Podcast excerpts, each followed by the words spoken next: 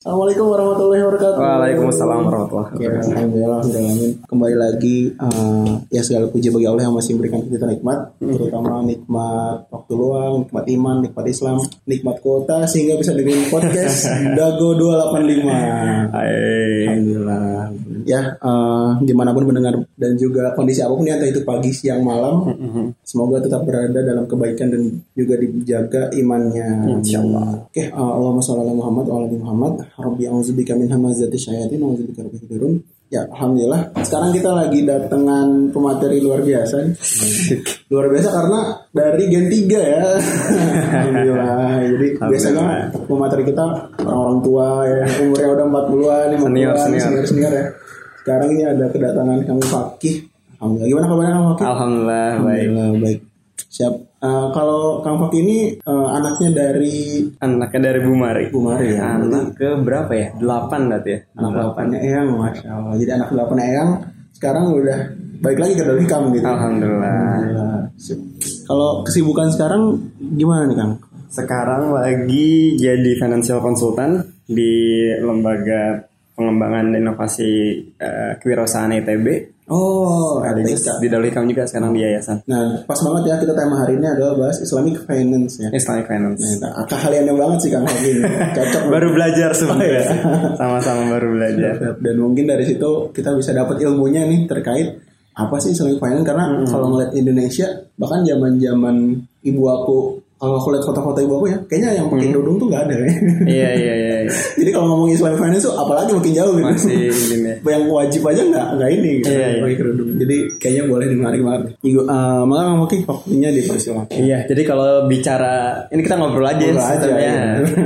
Sebenarnya Islamic Finance pertama kali waktu ngambil kuliah eh, S1 ya. Dulu ngambil kuliah di IUM International Islamic University Malaysia. Hmm. Di sana itu memang eh, konten eh, Islamannya itu sangat kuat gitu. Bahkan untuk subjek-subjek yang sebenarnya nggak ada kaitan langsung dengan eh, Islamic atau apa pun gitu ya tentang eh, religiusnya gitu. Tetap ada chapter untuk ngebahas itu. Sebagai contoh kalau misalnya kita eh, saya ngambilnya matematika.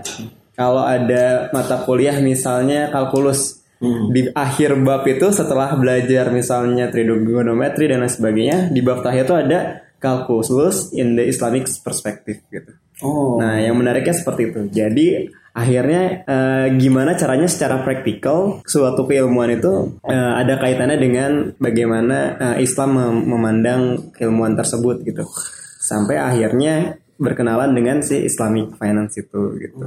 Awal-awal perkenalannya tuh di situ. Nah, pas lagi kemarin akhirnya lanjut eh, eh, di perbankan, akhirnya mulai mulai paham lah dengan gimana dunia keuangan di situ makin makin paham lah tentang bagaimana dunia keuangan sampai akhirnya kemarin S2 ngambil eh, Science Management konsentrasinya di finance. Nah, di sana ada satu mata kuliah eh, lebih menariknya bukan cuma sekedar belajar tentang Islamic finance-nya tapi kita belajar tentang Islamic financial systemnya.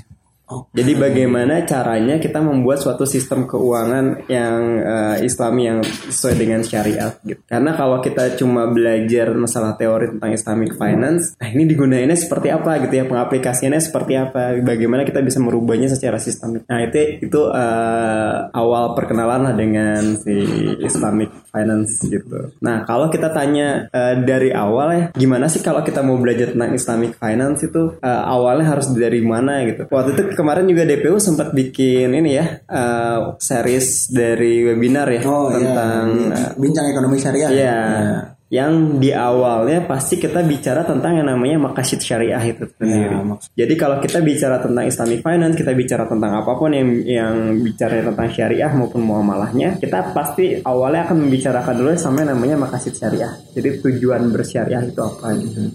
Apa sih buat apa sih yang why Iya, iya. Karena eh, ini juga sih yang memang harus di, ditanamkan ya kalau kita lagi belajar sesuatu mau di bidang apa pun. Yang pertama itu tentang bagaimana makasid syariahnya, tentang tujuan kita mencari ilmunya itu apa gitu. Sehingga kita bisa lebih eh, lebih lebih semangat dalam mencari ilmunya, tapi lebih tertuju juga gimana gimana kita eh, apa namanya mempelajari satu dua hal ya. Gitu. Berarti sebenarnya kalau dibilang awalnya jurusan matematika tadi ya? Awalnya matematika. Terus nyebrang dulunya sampai sekarang Iya. ke finance. ke finance akhirnya nah kemarin pas lagi di eh, ngambil S2 kebetulan sekali jadi pas lagi apa angkatan saya itu pengajarnya impor langsung dari Durham University Hmm, nah jadi ada satu profesor dari Durham University yang ada apa namanya exchange gitu lah exchange lecturer gitu akhirnya eh, diajar langsung sama salah satu inilah ya salah satu mbahnya Islamic Finance Oh, ya mbahnya. sistem gitu kebetulan banget. Iya Yang dikasihnya Islamic finance-nya juga Islamic ya? Finance System ya. Iya. Jadi selama satu semester diajar sama beliau yang akhirnya mendapatkan pemahaman bahwa kita nggak cukup cuma belajar tentang teori-teori Islamic Finance, tapi kita juga belajar pertama tujuan kita apa, lalu gimana caranya mengaplikasikan itu pada suatu sistem gitu. Karena kalau misalnya cuma tahu teori murabah itu apa, mudarobah itu apa, itu akhirnya kita cuma cuma apa namanya tahu kulitnya aja, Iya. tapi gimana sih cara sebenarnya pengaplikasiannya? Apa sih keuntungannya, kerugiannya? Kenapa misalnya eh, keilmuannya sudah begitu dalam tapi pengaplikasiannya belum? Jadi kita belajar em, dinamika seperti itu gitu. Gimana nggak cuma teknik knowledge ya, tapi jadi wisdom ya. Iya iya iya benar benar benar benar benar. Tapi emang menariknya tadi ya di Malaysia itu mungkin ada Syekh Na- Nakul Alatas ya. Ya. Ya itu beliau kayaknya juga bilang gitu kan. Nah, sebenarnya sistem itu ya tinggal diperbaiki-perbaiki aja gitu kan. Hmm, hmm, hmm. Karena kalau misalnya ngomongin tadi ya Islamic finance sama Islamic finance yang biasa tuh bedanya apa nih kan? Oke. Itu kira-kira kentaranya di mana sih? Nah, yang menurut saya yang paling beda di makasid syariahnya itu. Dari tujuan melakukan muamalah ini itu apa? Karena kalau misalnya kita menjelaskan lebih dalam, tujuannya sebenarnya dibentuk Islamic Financial eh, System itu dibentuk untuk avoid harm gitu ya. Kita Oh. jangan sampai eh, mengambil hak orang lain, gimana caranya berlaku adil dan sebagainya macam. Jadi sebenarnya tujuannya eh, dari syariah apa eh, makasid syariahnya itu adalah biar gimana kita bisa berlaku adil terhadap sesama lalu kita menjaga hak dari setiap individu tujuan utamanya sih itu nah kalau kita bicara tentang finance ya berarti eh, kita menjaga hak setiap orang dalam urusan keuangan dan segala macam Soalnya kalau masalah uang kan suka rame ya. benar sensitif banget gitu ya Makanya itu diatur banget ya sampai Iya. ayat terpanjang kan tentang tentang uang ya. iya iya iya iya ya teman-teman bisa ribut gitu ya. Keluarga juga bisa musuhan gara-gara. Dan yang menarik tuh kalau kita runut sejarahnya, masalah riba dan Islamic finance ini adalah ayat terakhir yang disampaikan sama Rasulullah gitu ya. Tapi tidak dijelaskan lebih lebih apa namanya? lebih dalam karena ya setelah itu beliau wafat jadi memang tidak mungkin orang-orang kalau misalnya ada syariat yang lain gitu ya sempat ditanyakan sama Rasulullah Oke. jadi kita dapat jawaban yang lebih ini dari hadis dan ini ya. Sedangkan urusan Islamic finance ini salah satu ayat terakhir yang diturunkan ke Rasul gitu. Jadi memang secara aplikasinya akan penuh dengan perdebatan dan lain sebagainya gitu ya. Kayak kita bicara tentang eh, riba atau gharar yang harus dihindari dalam Islamic finance itu tuh memang penuh perdebatan sekali tapi memang seru sih akhirnya Oke. Eh, karena apa namanya walaupun tidak ada satu hukum yang benar-benar spesifik kali ya bisa dibilang tapi akhirnya jadi menimbulkan eh, pembicaraan yang lebih menarik gitu Mungkin karena gara-gara itu juga ya karena tahu bakalan di zaman ke depannya bakalan sangat dinamis itu ya gitu. iya iya iya iya, iya. memang Allah tuh maha sempurna dalam merencanakan ya termasuk dalam hal-hal seperti ini gitu. Kalau Rasul jelasin imani nanti kan nggak gitu ya. iya iya iya Ya, ternyata sekarang udah ada gitu imani. Benar benar benar. Jadi memang kalau kita bicara tentang Islamic finance atau mungkin kalau orang-orang sekarang lebih familiar dengan kata-kata riba gitu ya. Hmm. Nah, di kata-kata ribanya sendiri di para scholar-scholarnya Islamic finance itu penuh dengan perdebatan gitu.